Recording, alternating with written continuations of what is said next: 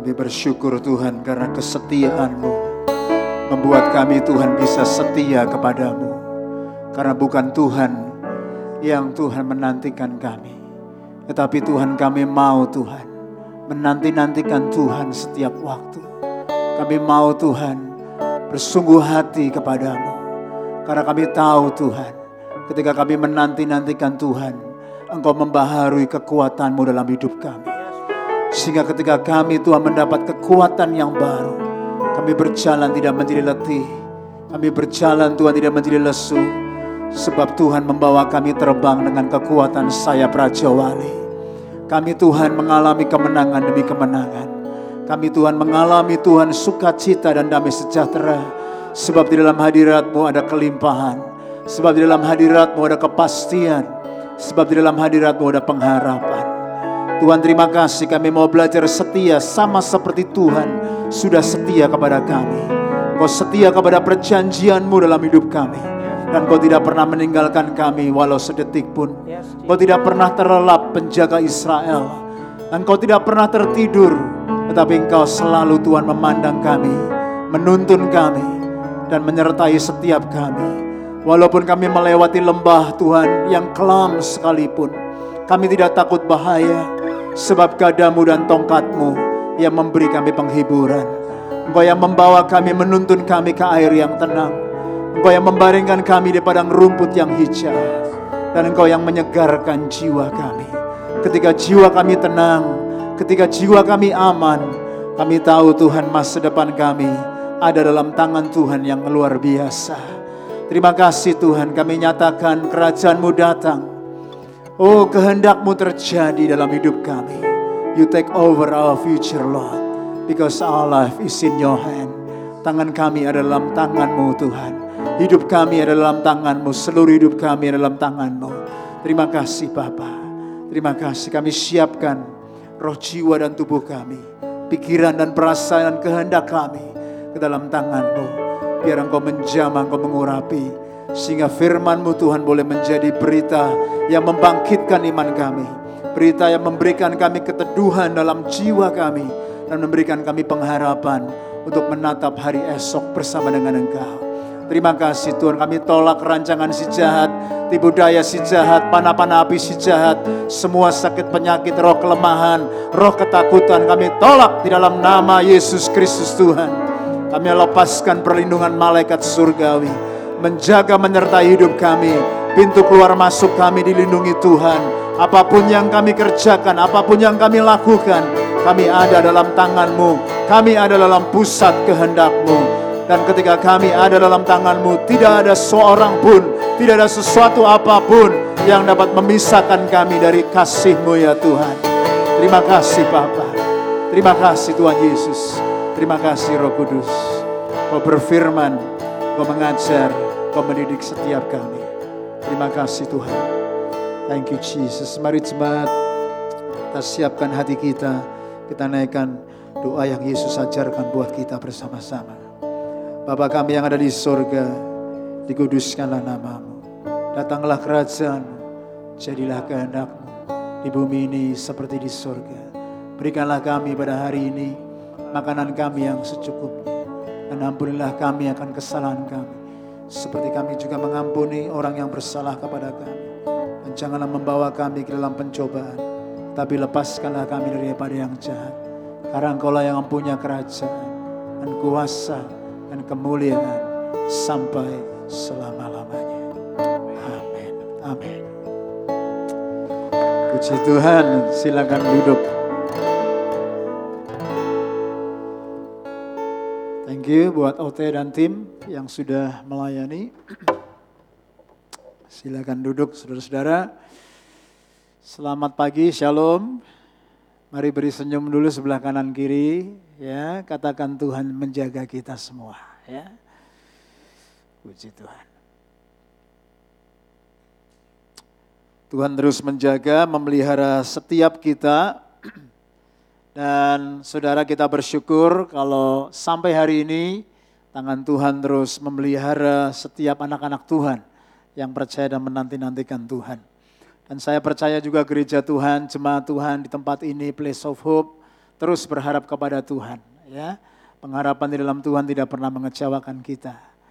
Dan kita bersyukur kalau hari ini kita bisa beribadah dengan sukacita, dengan aman, sehat, semua karena kebaikan Tuhan. Baik, mari kita siapkan hati kita, angkat Alkitab, ya katakan dari hati kita ya, satu, dua, tiga. This is my Bible, I am what it says I am, I have what it says I have, I can do what it says I can do.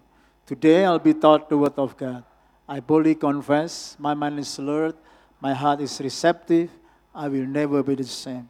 I'm about to receive the incorruptible, indestructible, ever living seed of the word of God. I will never be the same. Never, never, never. I will never be the same. In Jesus' name. Amen.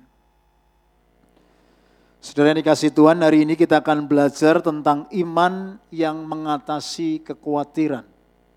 Faith that overcomes worry.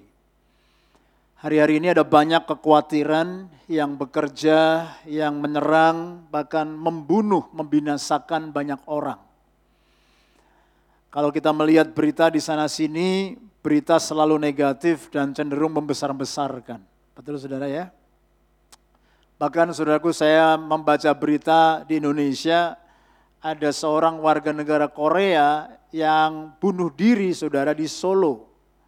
Karena dia takut bahwa dirinya mengidap virus corona saudara. Jadi dia singkat cerita dia bunuh diri dan ternyata setelah dia mati jenazahnya diotopsi ternyata negatif saudara. Ya, tidak mengandung virus sama sekali. So, memang kekhawatiran itu membunuh kita. Ya, kekhawatiran itu selalu saudaraku mencuri, membunuh bahkan membinasakan kita. Ya, kekhawatiran saudaraku selalu akhirnya membuat kita saudaraku tidak lagi berjalan dalam iman. Tapi pikiran kita mulai jalan, perasaan kita mulai gemeter, takut, ya keringat dingin, lalu mulai mules, mual, ya saudara ya, takut akan pekerjaan, takut saudaraku akan karir, akan keuangan, akan visa, akan anak, dan lain sebagainya. Tapi hari ini kita mau belajar bahwa Tuhan memberikan sebuah prescription yang baik untuk kita bisa menang terhadap setiap kekhawatiran dan ketakutan kita. Siapa yang mau hidupnya saudaraku bebas dari rasa khawatir dan takut? Amin. Ya. Saudara perhatikan baik-baik. In God's economy, yang namanya problem, yang namanya saudaraku masalah, itu saudaraku tidak bisa dihindari. Tetapi yang namanya khawatir dan takut itu adalah optional. Yang setuju katakan amin. Saudaraku dalam ekonominya Tuhan, Ya, yang namanya pergumulan, permasalahan, suraku loss, ya suraku ya itu nggak bisa dihindari, pasti terjadi dalam kehidupan orang Kristen. Kalau sudah berkata, kenapa orang Kristen kok mengalami kerugian? Kenapa orang Kristen mengalami loss, mengalami problem, masalah? Pertanyaan itu sebenarnya nggak perlu dipertanyakan, saudara. Betul nggak saudara? Karena setiap kita Tuhan izinkan, even though kita anak Tuhan, kita juga bisa mengalami seperti itu. Ya, kita lihat banyak contoh di firman Tuhan, Alkitab. Anak-anak Tuhan, pahlawan-pahlawan iman juga mengalami tantangan, mengalami pergumulan, mengalami kerugian, ya, mengalami banyak perkara bahkan ketika dia melewati itu dia sempat khawatir, dia sempat takut. Tetapi sebenarnya Saudara, yang namanya worry dan ketakutan itu adalah pilihan kita. Kita bisa menang kok dari ketakutan dan kekhawatiran. Amin. Asal kita berjalan dalam iman, kita berjalan dalam pengharapan. Saudara, secara daging kita bisa masih khawatir, tapi jangan izinkan roh ketakutan itu menguasai kita. Karena ada spiritnya, ada roh ketakutan, Alkitab berkata demikian. Betul? Saudara, minggu-minggu yang lalu kita sudah belajar banyak tentang iman. Ya, kita sudah belajar rebuild kembali tentang iman dalam hidup kita. Ya, iman itu memahami, ya apa yang Tuhan mau untuk kita lakukan. Jadi kita perlu paham, kita perlu mengenal, kita perlu ngerti, kita perlu nangkap isi hati Tuhan terhadap apa yang harus kita lakukan.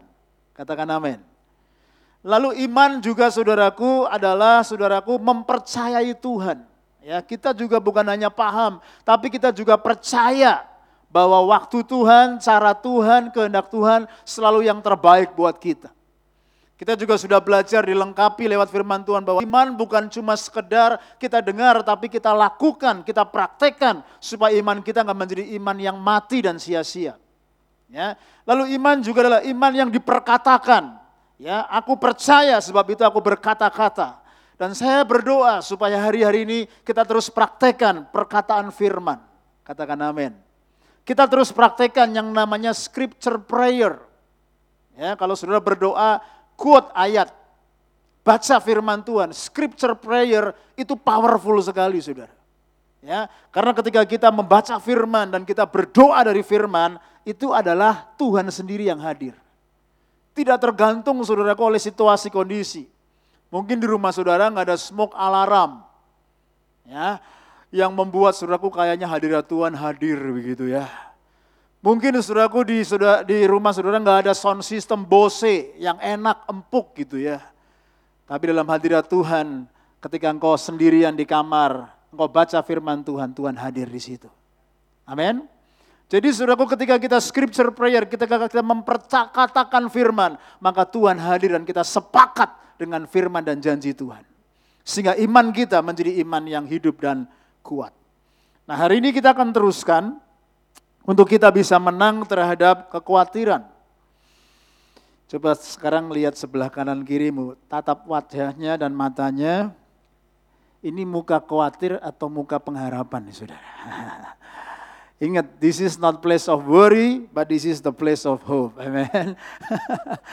Kalau saudara lihat sebelahmu kayaknya khawatir nih mukanya, ya. Gak usah khawatir, ya. Jangan takut. Kita lihat Matius 6 ayat 25 sampai yang ke-34. Ini ayat saya renungkan dalam satu minggu ini karena beberapa leaders kita sedang ikut intentional discipleship training.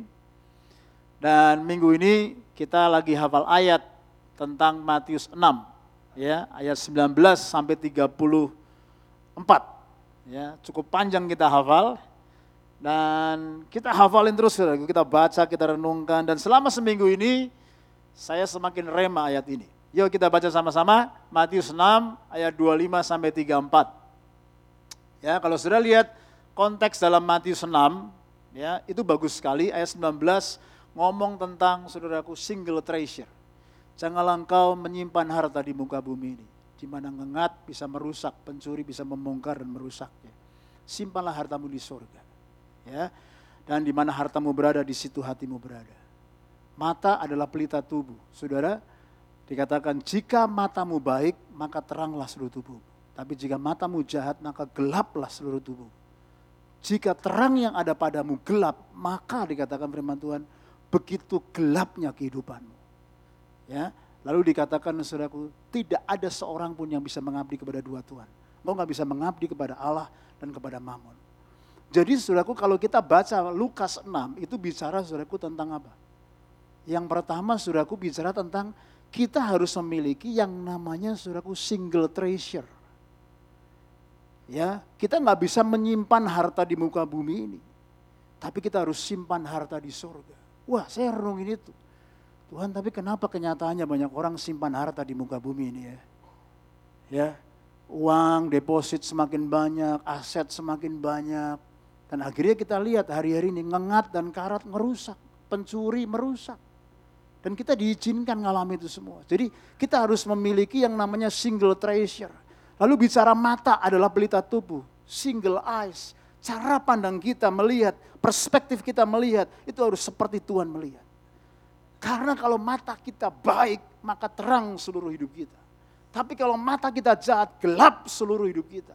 Lalu kita bilang, kalau terang yang ada padamu gelap, maka betapa gelapnya hidupmu. Wah, itu bahaya sekali saudara. Kalau orang Kristen cara pandangnya gelap, terkontaminasi dengan dunia, perspektif saudara nggak ilahi lagi, tapi duniawi. Alkitab berkata betapa gelapnya. Single treasure, single eyes, and single master. Tidak ada seorang pun bisa mengabdi kepada dua Tuhan. Waduh luar biasa. Saya renungkan, saya renungkan. Dan lalu saudaraku saya dapetin saudaraku message ini. Kita baca ya Matius 6 ayat 25 ini sampai 30 berapa ini? Sampai 34. Ada empat pertanyaan retorik yang Yesus katakan dan tanyakan kepada kita semua. Dan kita akan bahas itu. Kita nggak bahas tentang single eyes, single treasure, and single master. Tapi hari ini kita akan belajar tentang empat pertanyaan yang Yesus tanyakan kepada kita. Dan kita semua perlu merenungkannya. Mari kita baca sama-sama ya. Satu, dua, tiga. Therefore I tell you, do not worry about your life, what you will eat or drink, or about your body, what you will wear. Is not life more than food, and the body more than clothes? Look at the birds of the air. They do not sow or reap or store away in barns, and yet your heavenly Father feeds them. Are you not much more valuable than they? Can any one of you by worrying add a single hour to your life. And why do you worry about clothes? See how the flowers of the field grow. They do not labor or spin. Yet I tell you that not even Solomon in all his splendor was dressed like one of these. If that is how God clothes the grass of the field, which is here today and tomorrow is thrown into the fire, will he not much more clothe you, you of little faith? So do not worry, saying, What shall we eat? Or what shall we drink? Or what shall we wear? For the pagans run after all these things, and your heavenly Father knows that you need them. But seek first his kingdom and his righteousness, and all these things will be given to you as well. Therefore, do not worry about tomorrow, for tomorrow will worry about itself. Each day has enough trouble of its own. Saudara, ayat-ayat ini begitu dalam dan meaningful untuk kita gali dan kita renungkan dan kita pelajari. Dan hari-hari ini saudara, ketika saudaraku dalam kita berjalan dalam minggu ini dan hari-hari ini, kita melihat ada banyak kekhawatiran. Ada banyak ketakutan. Kalau kita mau jujur dengan hidup kita, saudara, ya, kita pun sering kali sebagai orang Kristen kita berpikir, ya, dan kita sering kali takut, kita sering kali bingung, dan kita sering kali juga mengalami banyak intimidasi dalam hidup kita. Tapi biar hari ini, ya, kita merenungkan firman Tuhan ini, dan kita bisa menang, saudaraku, bagaimana saya dan saudara tidak lagi dikuasai oleh ketakutan dan kekhawatiran. Dan Ayat ini saudara, menarik sekali. Yesus saudaraku selain dia berkata, engkau nggak perlu takut, engkau nggak perlu khawatir, do not worry. Tetapi sebenarnya yang Yesus katakan dan Yesus address, supaya kita semua tidak berfokus kepada external things. Tetapi Tuhan justru address adalah our inner man. Setuju saudara? Tuhan saudaraku mau untuk kita saudaraku tidak worry dan takut kepada external things. Tetapi justru yang Tuhan address adalah our inner being. Our inner man. Sehingga ketika inner man kita kuat dan sehat. Maka our inner man kita bisa overcome every external things. Karena saudaraku yang kita lihat, yang kita rasa itu semua dari luar. Dan kita kejarnya yang dari luar. Ingat minggu lalu kita bahas satu ayat dalam Korintus yang berkata, karena itu kita nggak memperhatikan apa yang, apa saudara? Terlihat, karena yang terlihat itu apa? Sementara, justru kita memperhatikan yang tidak terlihat.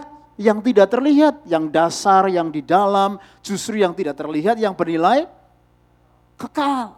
Nah Tuhan Yesus ketika dia address murid-muridnya dalam Matius pasal ke-6. Dia berkata kamu jangan khawatir tentang apa yang kamu makan, apa yang kamu minum, apa yang kamu pakai. Lalu dia kasih ilustrasi saudaraku dengan burung. Lihat burung, lihat bunga di padang, lihat rumput. Bandingkan dengan Salomo, bandingkan dengan yang lain. Dan Tuhan saudaraku address kita untuk kita membangun our inner man. Yang tidak kelihatan justru yang bernilai kekal. Katakan amin. Nah, kita akan belajar how to overcome fear with faith. Karena faith pun tidak terlihat. Tetapi bagaimana saudaraku iman yang tidak terlihat itu bisa mengalahkan yang kelihatan yang di depan kita. Nah kita perhatikan Empat pertanyaan yang Yesus katakan dan tanyakan. Yang pertama, saudara. Lihat, Matius 6 ayat 25. Therefore I tell you, do not worry about your life, what you will eat or drink, or about your body, what you will wear. Sama-sama baca. Is not life more than food, and the body more than clothes. Saudara, pertanyaan yang pertama ini, kita belajar saudaraku, having the right values help us cope with worry. Kalau saya dan saudara memiliki sebuah value system yang benar dalam hidup kita, nilai yang berharga dalam hidup kita, maka itu akan membantu kita untuk kita bisa coping and handling setiap worry and fear. Value system itu ada dalam hidup kita yang tidak terlihat. Perhatikan ini saudaraku. Alkitab bertanya saudaraku bagus sekali. Is not life more than food and the body more than clothes. Jadi saudaraku hidup dibandingkan dengan makanan dan minuman. Betul saudara? Lalu dikatakan di sini apa? And the body more than clothes. Tubuh kita, kesehatan kita dibandingkan saudaraku dengan pakaian. Jadi pakaian itu selalu bicara tampak luar. Betul saudara? Makanan dan minuman selalu bicara tampak luar. Tapi kehidupan ini bicara masalah esensinya yang di dalam. Dan kita sering kali mengejar suraku makanan dan minuman lebih valuable daripada kehidupan itu sendiri. Kita sering kali suraku mengejar suraku pakaian lebih berharga, lebih valuable suraku daripada tubuh kita sendiri. Nah pertanyaan ini suraku sebenarnya rhetoric question. Betul? Pertanyaan yang ditanyakan tapi sebenarnya nggak perlu dijawab. Benar nggak saudara? Nah sudah perhatikan, Alkitab selalu suraku mempertanyakan banyak pertanyaan-pertanyaan yang sering kali pertanyaan itu sebenarnya retorik. Tuhan sudah tahu belum jawabannya? Sudah. Kita sudah tahu belum jawabannya? Sudah. Tapi karena kebodohan kita, kita sering kali sudah harus ditanya lagi sama Tuhan. Coba, coba, coba. Ketika Adam jatuh saudaraku dalam dosa, lalu Allah jalan di Taman Eden cari, Tuhan tanya, Adam di manakah engkau? Saya tanya, emang Tuhan tahu nggak? Tahu. Adam tahu nggak dia dari mana? Tahu. Tapi ngapain mesti ditanya? Benar nggak saudara? Itu rhetoric question, pertanyaan yang nggak perlu ditanya. Tapi ketika ditanya dalam situasi kebodohan kita, membuat kita berpikir dan kita kembali merenung, iya Tuhan. Coba-coba, ketika ketika Tuhan Yesus ketemu sama orang yang sudah 38 tahun lumpuh. Lalu dia berkata, Tuhan sembuhkan aku, Tuhan tolong aku. Lalu Yesus tanya sama dia, apa? Maukah engkau sembuh? Apa itu perlu ditanyakan? Tuhan tahu gak dia mau sembuh? Tahu. Orang itu mau gak sembuh? Mau. Tapi kenapa mesti ditanya? Dan ternyata suraku, pertanyaan Yesus yang semudah itu gak dijawab sama dia Jawabannya Tuhan gue udah 38 tahun gak ada orang yang to tolong aku. Lu gak jawab pertanyaan gue, mau apa enggak?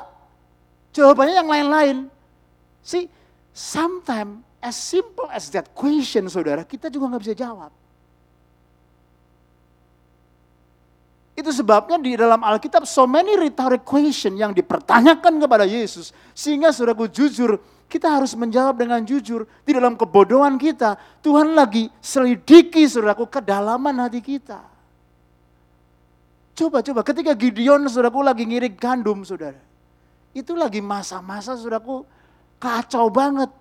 Tetapi Gideon lagi ngirim gandum, bayangin saudara. Lalu malaikat Tuhan datang, dia tanya, sedang apakah engkau di sini? Sama seperti Elia ketika dia kabur. Dia sembunyi saudaraku di sebuah gua. Tuhan juga tanya, kamu lagi ngapain di sini Elia? Engkau nabi besar loh. Kemarin you lagi revival loh. Api turun dari surga loh. Lu potong, lu gorok 850 nabi loh. Sekarang lu takut, lu sembunyi. Where is your faith? Pertanyaan sebenarnya nggak perlu ditanya, tetapi ketika kita lagi dalam masa kebodohan kita, kita kabur, kita lagi berjalan dalam sebuah Oh value system yang ngaco banget. Tuhan tanya, Tuhan gak hakimi kita. Tuhan tanya kita. Dan itu membuka paradigma kita.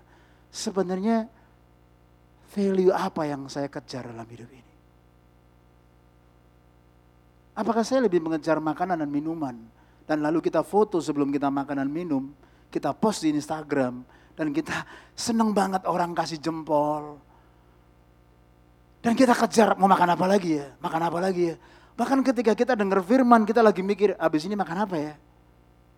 Saya kalau minggu tanya sama istri saya, Mam, minggu siang makan apa ya? Lalu istri saya kuat ayat, janganlah kamu khawatir terhadap apa yang kamu makan dan minum. Oh iya benar juga ya. benar nggak saudara? Manusia lebih cenderung selalu kita kejar untuk kepuasan daging kita, kepuasan perut kita. Makanya nggak salah kalau Alkitab berkata di akhir zaman ini banyak orang itu wah makan, minum, kawin, mengawinkan karena Tuhan mereka jadi perut mereka. Eh, perut mereka jadi Tuhan mereka. Dan kita kejar itu gitu loh. Dan kita anggap makanan minuman lebih berharga daripada kehidupan yang sesungguhnya. Sehingga terjadi panik, saudaraku, terjadi epidemik. Orang dengar berita, saudaraku, bahwa bahwa pabrik tisu roll di, di, di Hong Kong saudaraku diproduksi oleh Cina dan akhirnya saudaraku masalah ternyata dari Hong Kong nyebar ke mana-mana sampai akhirnya sampai ke Australia orang beli tisu roll di mana-mana sampai kemarin kita lihat ada video orang berantem di Culora gara-gara rebutan tisu roll Tolong saudara nanti yang ke toilet jangan ambil tisu roll yang ada di toilet saudara. Itu juga terbatas masalahnya. kita kadang-kadang ngejar tisu roll karena, waduh, kita ngejar makanan, kita beli pasta, kita beli indomie, kita tumpuk di rumah. Saudara, bukan hanya di Australia, di Jakarta terjadi begitu. Saya pikir di Australia aman-aman karena saudara lebih akademik lah, lebih pinter. Ternyata yang namanya ketakutan, worry, fear, itu bisa menguasai setiap orang. You name it, kau punya kekuatan, kau punya ilmu, kau punya otak. Tapi ketika kekhawatiran, ketakutan mengerjai kita, menancap kepada kita. Wow, kita bisa jadi helpless loh saudara. Kita bisa jadi bodoh Saudara, kau kejar mana? Kau kejar makanan dan minuman, pasta, indomie, tisu roll, atau kehidupan yang Tuhan sudah beri dalam hidup ini. Bahwa Tuhan berkata, bahwa hidupmu itu berharga. Come on. Right? Kita tuh sekarang lebih suka saudaraku pakai baju yang bagus-bagus. Lalu saudaraku kita senang banget kalau orang bilang, you look so good. Pendeta-pendeta sekarang saudaraku yang kaya-kaya, pakai baju yang bagus-bagus. Ya bukan berarti yang pakai baju, baju bagus nggak punya duit sih. Tapi saudaraku sampai saudaraku ada Instagram khusus Pastor In Style kan.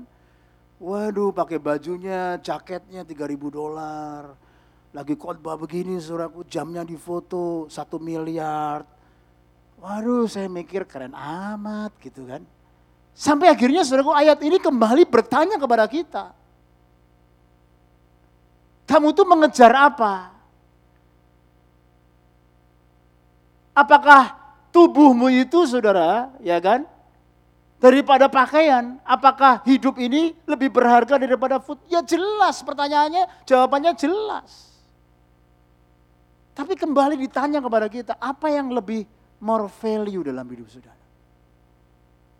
Saya ingin kuatkan saudara. Kalau saudara di kota ini, saudara hidup di tempat ini, saat ini, in this such moment like this, jangan kejar yang eksternal, tapi kejar yang internal. Kalau saudara masih punya kesehatan, tubuhmu jauh lebih berharga daripada makanan dan minuman. Wong kau makan minum yang enak-enak, tiga jam, empat jam lapar lagi. Kau pakai baju, saudaraku, setelah sebulan, dua bulan, saudaraku juga lusut, mau beli lagi. Ingat, kalau engkau masih punya tubuh sehat, kehidupan sehat, semua karena dari Tuhan. Kita mesti lihat itu lebih berharga daripada semua yang eksternal. Amin.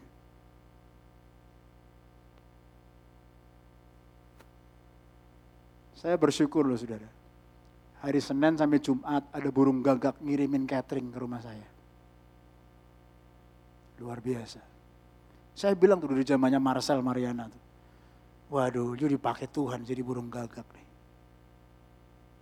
Karena sebelum Marcel Mariana take over bisnis itu, saudara, yang punya Christina Catering itu saya doakan. Keluarga itu saya doakan. Dia datang ke rumah, dia konseling, curhat. Saya doakan dia. Beberapa kali saya ngobrol sama dia, eh dia kirim catering. Saya telepon, waduh kok kirim catering? Iya Pak Yosafat saya mau kirim catering sekarang mulai hari ini. Saya diberkati sama Pak Yosafat. Dia bukan jemaat, Oke, okay, thank you Jia. Singkat cerita, dia mau jual. Singkat cerita, kenalan Marcel Mariana, mau beli. Diteruskan. Gue bilang, waduh udah ganti owner, burung gagaknya tetap taat. Iya kan, kirim, wah luar biasa. Lu emang digerakkan Tuhan atau lu karena gak enak aja nih? Gue bilang, enggak, enggak, enggak, gue mau berkatin pastor gue. Ya udah, singkat cerita diberkati bertahun-tahun, ganti owner lagi. Tayri Yasinta beli. Tetap aja sampai sekarang tuh. Burung gagak terus ngirim, ya kan nggak pernah salah alamat tuh, ya kan? Padahal di kompleks saya ada 13 unit tuh, ya kan? Waduh saya bersyukur gitu ya, Senin sampai Rebo. Dulu saudaraku saya 27 tahun lalu, saya udah pengen sekolah Alkitab. SMA kelas 2 saya tergerak untuk saya pengen sekolah Alkitab. SMA 3 saya ngalamin lahir baru. Saya sungguh-sungguh saudara. Lalu saudaraku habis selesai SMA, saya pengen sekolah Alkitab. Saya pengen ke saat. Tahu saat ya, seminar Alkitab Asia Tenggara di Malang tuh di Batu. Saya pengen ke situ.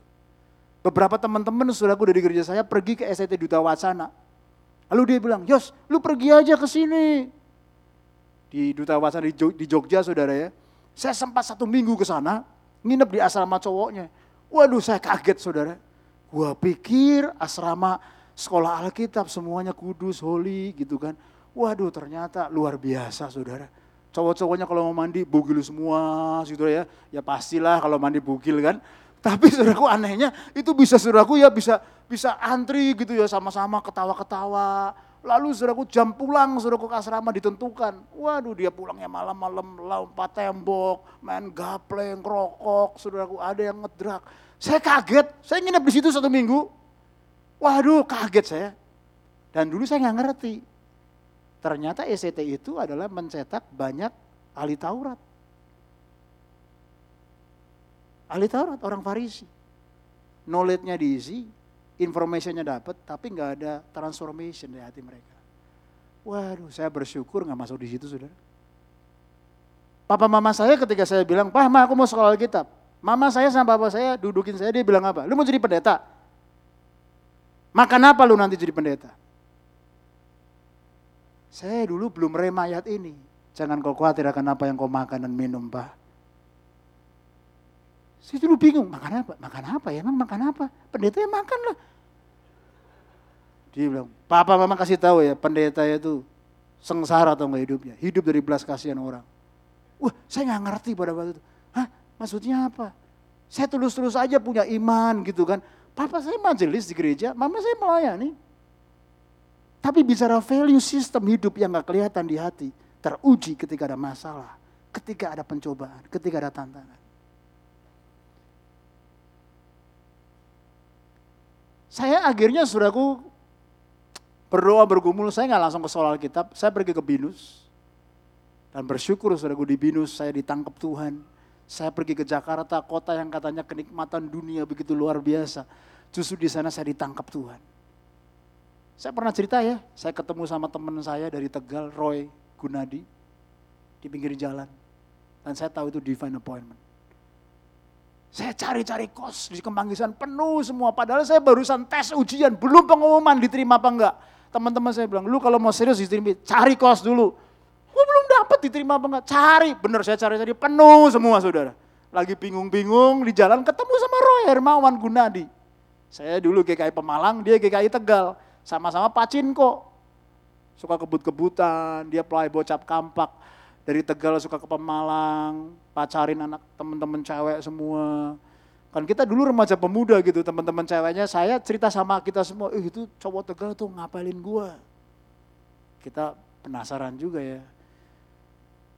Terus akhirnya saudaraku saya tahulah dia agak nakal begitu. Eh ketemu di pinggir jalan di Kemanggisan. Ngobrol-ngobrol, Singkat cerita, saya bilang, Roy cari tempat kos susah, gue lagi pusing, bingung. Dia bilang, oh Fat, gue lagi mau kontrak rumah. Satu kamar kosong, you mau nggak? Saya langsung toeng tuh saudara, toeng ya kan. Iya sudah, singkat cerita saya ngontrak sama dia. Dia nggak ngajakin saya ke gereja, dia saat teduh worship, menyembah Tuhan. Saya bilang, lu itu berubah Roy. Dulu lu bukannya playboy, dulu, dulu bukannya ngomongnya kasar. Oh enggak, enggak, gue udah bertobat Lu ke gereja mana? Dia nggak ngajak saya ke gereja. Saya tanya loh. Saya dulu pikirnya saya mau ke GKI gitu kan. Saya diajak dia ke Abalov. Since then, saya bertobat. Lahir baru sungguh-sungguh. Dulu SMA 3, saya tahu firman Tuhan dari otak saya. Tapi sejak saya kuliah, saudaraku, saya ngalamin transformasi hati dari dalam. From the inside out. Dan saya buktikan, saudaraku Even though saudaraku saya di binus, saudaraku saya belum sekolah Alkitab, tapi saya kenal Tuhan sungguh-sungguh. Dan Tuhan buka jalan ketika saya sekolah Alkitab di Perth, di Utus, sampai ke Melbourne ngambil master, sampai ke Sydney, sampai sekarang sudah 22 tahun saya melayani Tuhan. Sepenuh waktu. Saya nggak pernah tuh makan batu. Yang dulu pertanyaan papa mama saya, pendeta makan apa? Nggak pernah tuh. Kemarin makan martabak.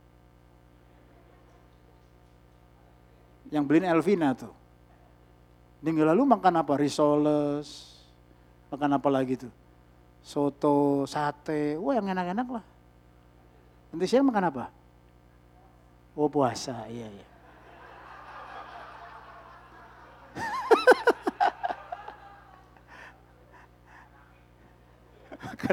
lu aja yang makan angin.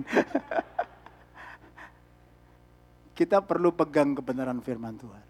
Kalau Yesus bertanya kepada kita, rhetoric question. Kita hanya perlu jujur, sebenarnya saya lebih value yang mana? Benar gak? Kalau kita berjalan dengan iman, terbukti itu bahwa hidup kita nggak pernah ditinggalkan Tuhan. Pakaian saudaraku, saya nggak pernah khawatir. Saya bukan tipe orang yang fashion gitu ya. Fashion show tiap minggu jas baru enggak. Ini jas saya udah maybe lima tahun lebih. Dan saya beli di Mangga Dua cuma 150 ribu. 15 dolar. Saya beli sama Kak Dodo. Makanya anak saya masuk di private school tuh Jojo dulu pakai jas baru, winter. Wih, 250 dolar. Saya iri loh. Saya bilang, Jojo, lu jaket sekecil ini 250 dolar. Mesti di laundry. Aduh, Dedi aja beli jas seumur ini untuk berkatin orang, untuk ketemu pendeta, ketemu pejabat, nggak lebih dari 100 dolar. Ini yang saya pakai nih, 150 ribu, bukan dolar.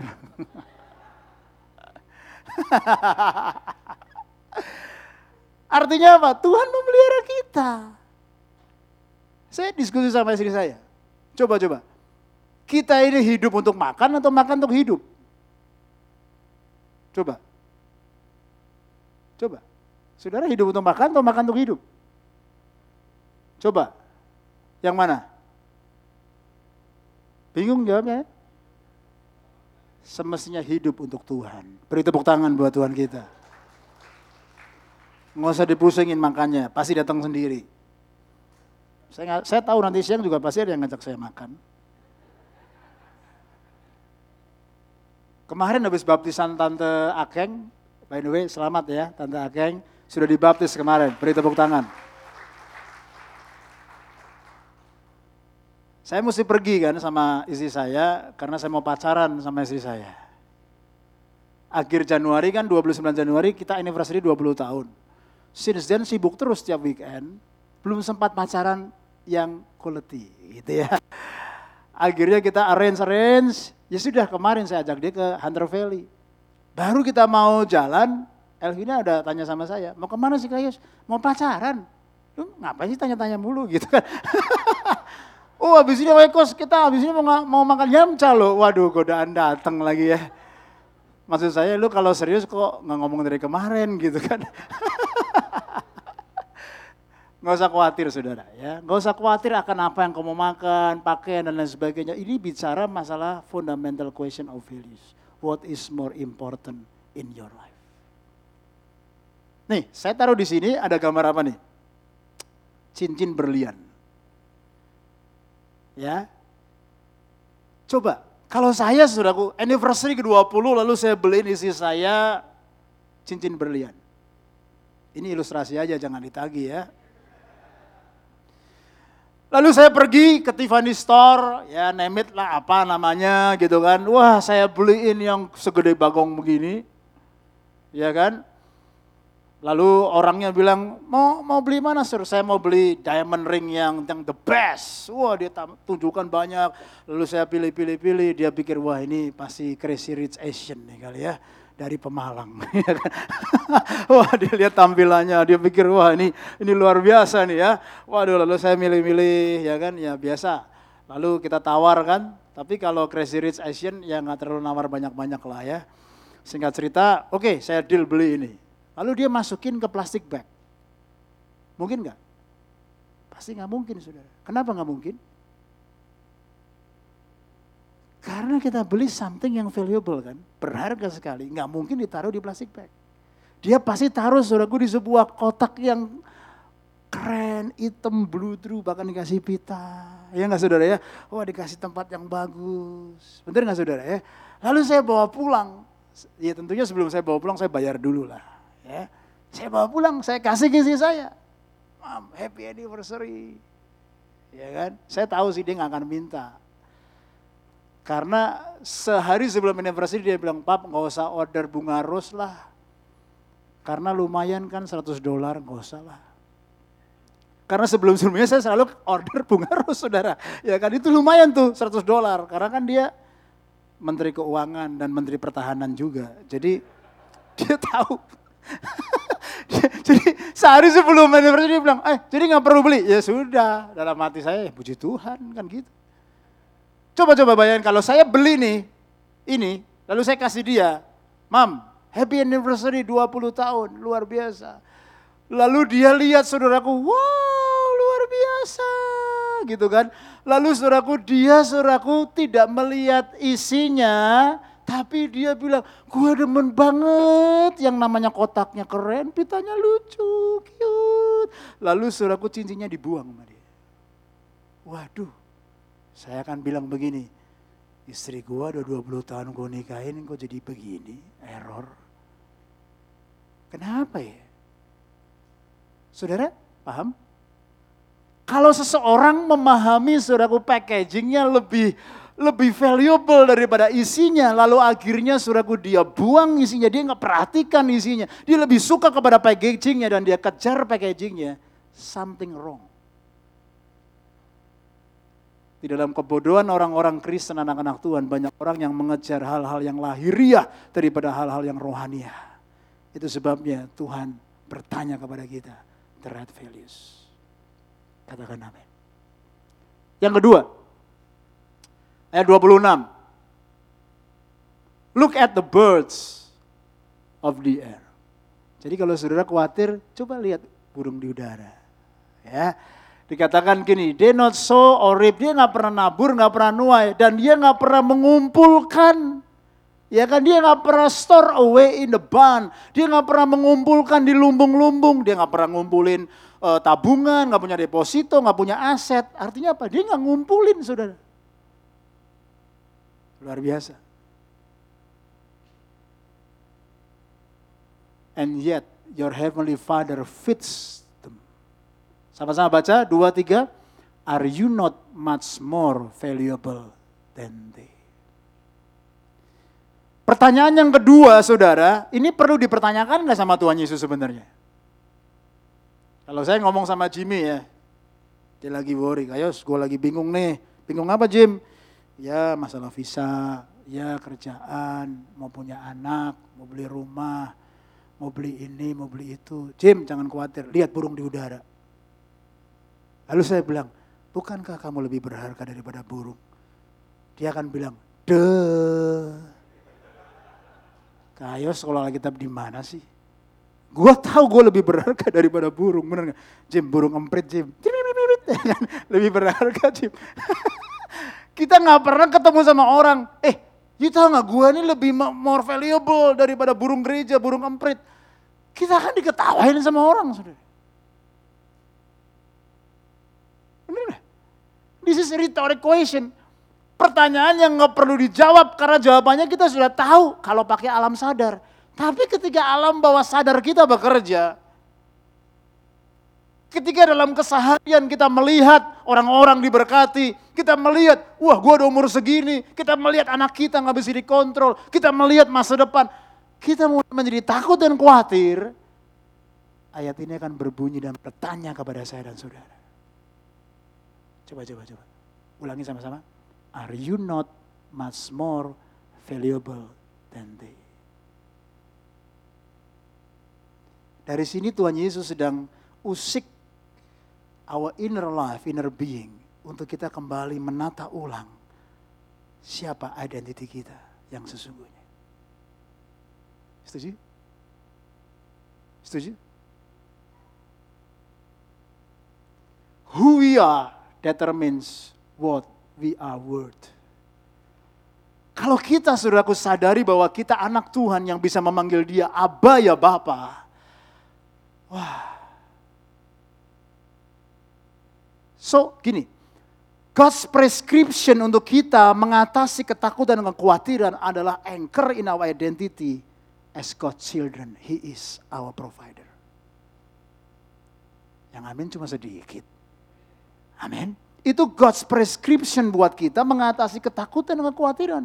Anchor our life based on our identity, who we are in Christ. Kalau kita saudaraku tidak memiliki sebuah identity yang benar, having the right identity, maka apa yang terjadi? Kita akan mudah khawatir, kita akan mudah takut, diombang ambingkan dengan apa yang kita lihat, apa yang kita kejar, apa yang kita rasa. Tetapi justru ketika kita khawatir, Coba praktekkan nanti di rumah suami istri. Ketika kita pulang dari gereja, lihat burung di udara. Ya, Alkitab berkata dia nggak menabur, dia nggak menuai, dia nggak menyimpan, dikatakan store away in the bunch. Saudaraku kalau burung khawatir, dia akan kumpulkan makanan ditaruh saudaraku di lumbung. Lalu akhirnya dia mati karena kekenyangan makan jerami kering. Benar nggak? Tapi orang, anak-anak Tuhan hari-hari dia kumpulkan harta sebanyak-banyaknya, ditaruh, disimpan. Sehingga akhirnya saudara, kita lupa identiti kita yang sesungguhnya. Alkitab bilang gini, burung aja dipelihara Tuhan. Apakah engkau tidak lebih berharga daripada dia? Who is your identity? What is your identity? Ayat yang berikutnya dikatakan semua ini dicari oleh bangsa-bangsa pagans yang tidak mengenal Allah. Tetapi kau semuanya ini tidak perlu khawatir, carilah dahulu kerajaan Allah dan segala kebenarannya semua ditambahkan. Wow. Berarti saudara, our identity kalau saudara tahu bahwa saudara anak Tuhan, itu saudaraku membuat kita sebenarnya nggak perlu takut dan khawatir karena kita tahu Bapak di surga memelihara kita. Tapi jujur kenapa kita takut dan khawatir? Karena kita nggak menyadari Bapa memelihara saya dan saudara. Padahal sampai detik ini kita bisa hidup, kita bisa bekerja, kita bisa tinggal di Australia semua karena berkat dari Bapa di surga. Betul saudara? Itu sebabnya saudaraku kalau hari-hari ini kita takut dan bingung lagi ingat ya, ingat tatap mata istrinya suaminya, kamu berharga, lebih berharga daripada burung emprit. ya kan?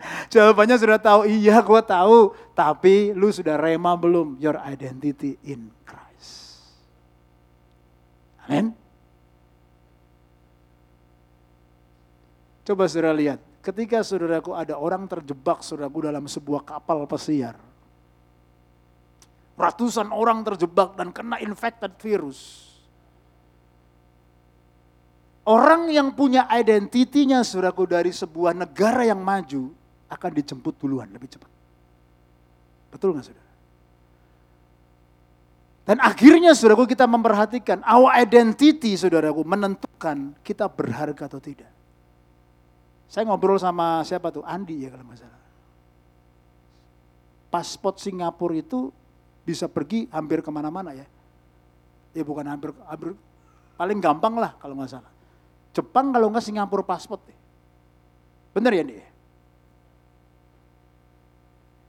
Artinya begini saudaraku, kalau saudara tahu saudara, kau pegang, oh I'm Singaporean, oh I'm Australian, ya kan?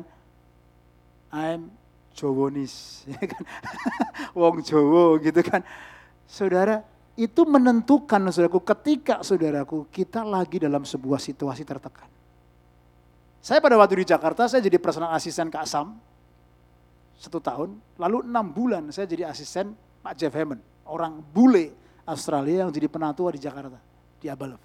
Saya melayani dia secara, secara pribadi, tidur di rumah dia, nyetirin mobil dia, bawain dia punya tas, siapin dia punya schedule, email, balas, booking tiket, follow up, dan lain sebagainya. Sehingga saya belajar seperti Elisa, ngikutin Elia, jadi apprenticeship dia. Setelah sama Kasam, sama Pak Jeff. Ketika saya melayani Pak Jeff, beda banget sama melayani Pak Sam. Ya, karena dia bule, saudara. Caranya beda banget, saudaraku. Saya serve dia seperti saya serve Kasam, dia marah. Ya kan, dan dia, wah beda banget. Dan saya belajar adjust lagi sama dia. Dan satu kali, dia cerita tentang, Yosafat kamu tahu nggak? Kalau seandainya di Jakarta terjadi kerusuhan, terjadi masalah lagi seperti pada waktu itu, dia bilang, pemerintah Australia akan lacak saya dan sebelumnya dia akan info ke saya apa yang akan terjadi. Dan ketika saya trap di sebuah gedung, dia bisa kirim khusus helikopter untuk jemput saya. Dan saya berkata, wow yang bener Pak Jeff. Saya dulu bilang, wah mungkin dia bercanda kali. Sekarang setelah saya jadi Australian citizen, kita tahu bahwa kita dihargai luar biasa. Apalagi kalau saudara semua adalah heavenly citizen. Tuhan menghargai dan Tuhan melindungi setiap kita. Karena our identity not based on our achievement, not based on our performance, not based on our possession, tapi our identity is based on our relationship with God. Katakan amin. Yang ketiga, pertanyaan yang ketiga menarik. Ayat 27.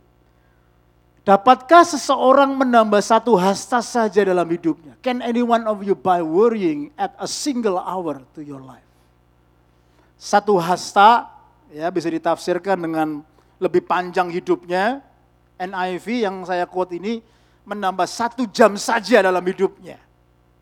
Ya, kalau saudara ada orang sakit lalu difonis, kamu tiga bulan lagi, kamu satu minggu lagi, dua minggu lagi. Lalu sudah khawatir, aduh nanti gimana kalau kena kanker gini, gini, gini, gini. Alkitab berkata, kamu khawatir emang bisa nambah satu jam, satu minggu, satu bulan? No. Jawabannya sudah jelas, this is rhetoric question. Another rhetoric question yang ditanyakan kepada Yesus. Jawabannya sudah jelas. Kalau kita pakai akal sehat, kita akan berkata, enggak. Tapi kenyataannya alam bawah sadar kita menguasai kita. Kita takut lagi, kita bingung lagi. Dan kita berkata, emang kalau kamu khawatir bisa menambah satu jam saja dalam hidup? Enggak. Artinya apa? We cannot control our life.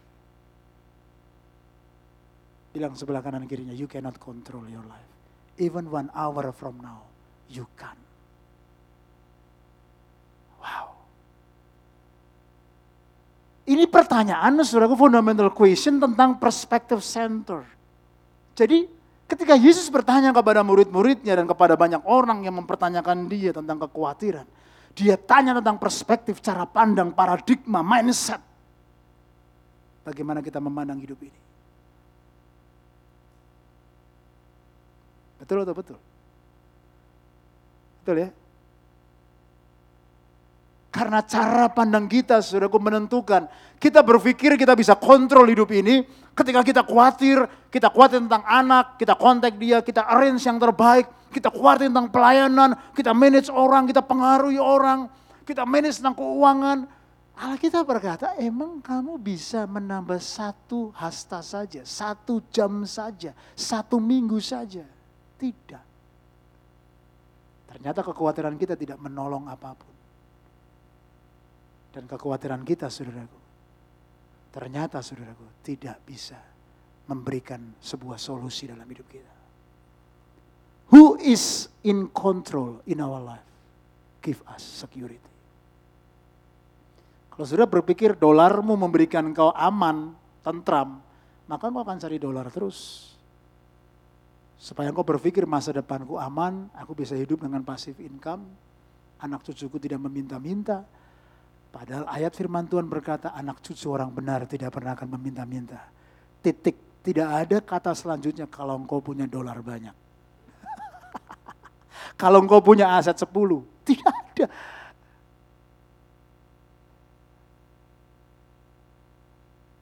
Who is in control in your life? Lihat, bangsa ini tidak lagi mencari Tuhan, tapi lebih mengandalkan government. Karena mereka menyadari yang memberi security dalam hidup mereka adalah government, lewat Centerlink. Sehingga bangsa ini nggak lagi mencari Tuhan, dia lupakan Tuhan, dia mengandalkan government. Governmentnya nggak seperti dia, dia accuse, dia kata-katain, dia kritik. Itulah sistem dunia yang mengandalkan kepada humanisme dan liberalisme sehingga lupa kepada teosentris sehingga akhirnya saudaraku manusia menjadi pusat dan kalau kita nggak berhati-hati mendidik anak-anak kita, memuridkan anak-anak kita, maka the perspektif dari dunia akan merembes masuk sehingga anak-anak kita saudaraku nggak lagi takut akan Tuhan. Mereka lebih percaya same sex marriage, mereka lebih percaya tentang kedagingan, kenyamanan. Mereka lupa mencari kerajaan Tuhan dan segala kebenarannya. Itu sebabnya saudaraku, kita harus kembali berfokus kepada how to overcome fear with faith. Amin. Ulangi, yang pertama apa tadi? Values. Yang kedua, identity. Yang ketiga, perspektif. Yang keempat terakhir nih saudara. ya Ayat 30. Sama-sama baca yuk. Satu, dua, tiga. If that is how God clothes the grass of the field, which is here today and tomorrow is thrown into the fire, will he not much more clothe you, you of little faith? Perhatikan, Yesus tidak bilang engkau orang yang tidak beriman. Dia nggak bilang begitu. Tapi dia berkata, engkau orang yang kurang percaya, kurang beriman. Artinya apa? Little faith. Lalu engkau bilang, ya kan Tuhan bilang iman kita kecil-kecil aja. Sekecil biji sesawi. Ingat, konteksnya iman kecil biji sesawi itu bisa memindahkan gunung yang besar Ya, tapi konteksnya iman yang kecil ini kurang beriman, little of faith, artinya begini, ketika engkau lagi dalam sebuah situasi yang lagi exercise faith, engkau nggak punya iman yang cukup, berarti imanmu kurang percaya. Imanmu kecil. Tuhan tahu setiap kita punya iman, tapi ketika kita pulang dari tempat ini, engkau melihat bank statement account, engkau melihat oikos, engkau melihat orang tua, engkau melihat kesehatan, engkau melihat berita virus. Di situlah saudaraku, Tuhan kembali bertanya kepada kita. Apakah kita saudara punya iman yang cukup, iman yang kuat, bahwa Tuhan will he not much more clothe you, you of a little faith.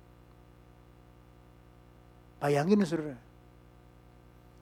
hidup kita dibandingkan saudaraku dengan bunga bakung di padang yang tidak memintal dirinya sendiri. Bahkan dikatakan Salomo dengan segala keindahannya, pakaiannya tidak seindah bunga lili.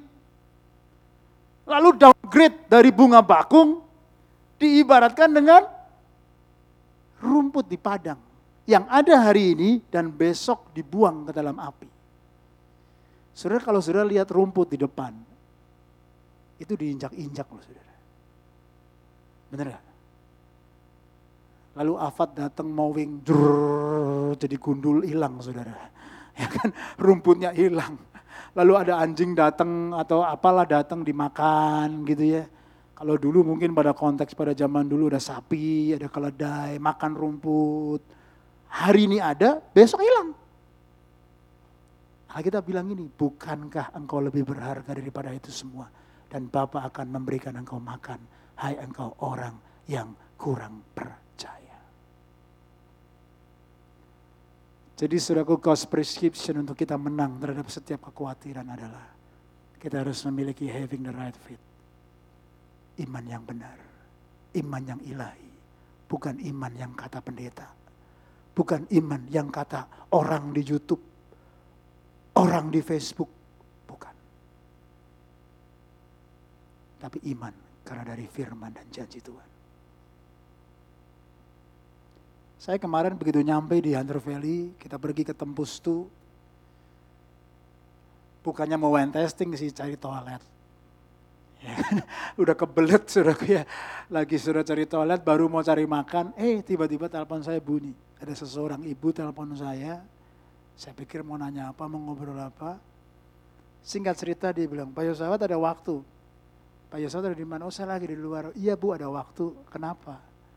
Dia curhat Intinya saudaraku dia punya keluarga, kakaknya, mamahnya bermasalah sama dia ribut.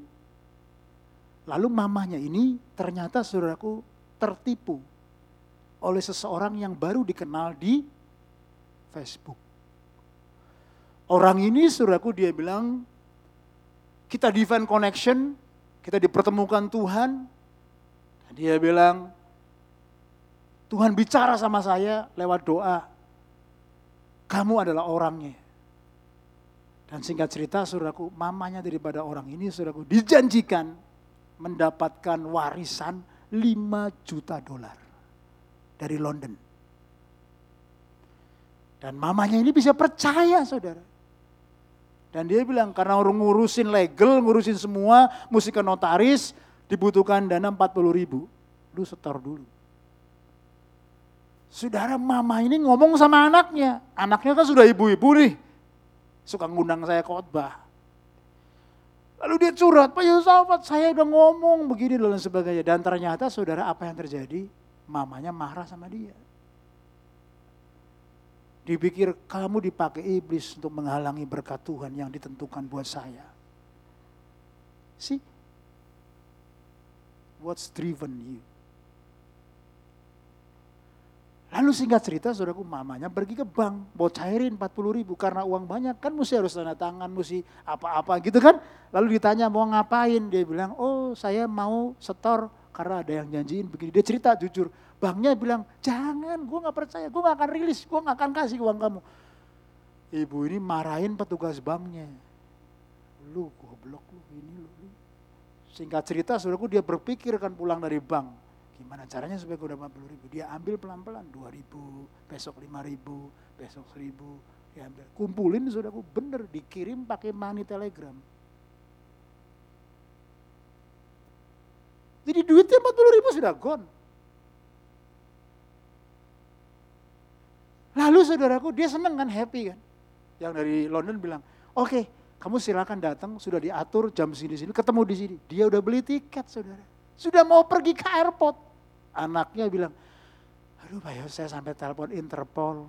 Interpolisi itu datang ke airport cegat dia supaya dia nggak jangan terbang. Saya takut sebagai anak. Jangan-jangan mama gue dikerjain di London sama keturunan orang itu. Sampai di airport dia mau ngelawan polisinya loh saudara.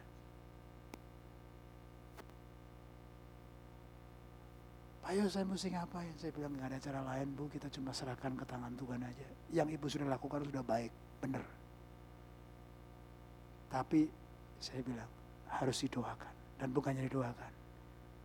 Ibu-ibu, ibu-ibu maksudnya ibunya itu itu harus dimuridkan supaya punya perspektif yang benar, identity yang benar, value yang benar dan iman yang benar.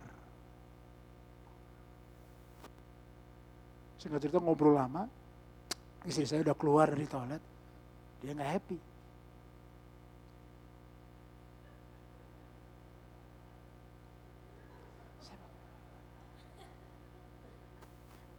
Dia lagi curhat, juga curhat sama dia, juga pakai sanlong gitu gitu kan. Dia udah nggak happy gitu kan. Aku nggak happy, dia bilang gitu. Sorry, sorry, sorry. Ibu maaf ya, saya lagi pacaran.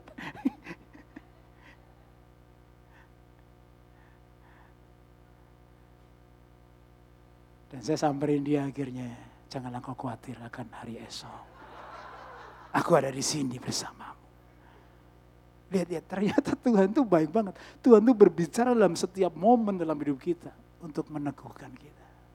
Right? Dan luar biasa. Kita sering kali dengar Matius 6 ayat 33. Tetapi carilah dahulu kerajaan Allah dan segala kebenarannya.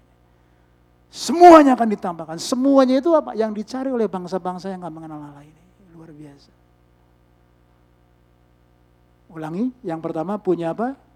Right values yang benar. Yang kedua punya apa? Right identity yang benar. Ketiga punya apa? Right perspektif yang benar.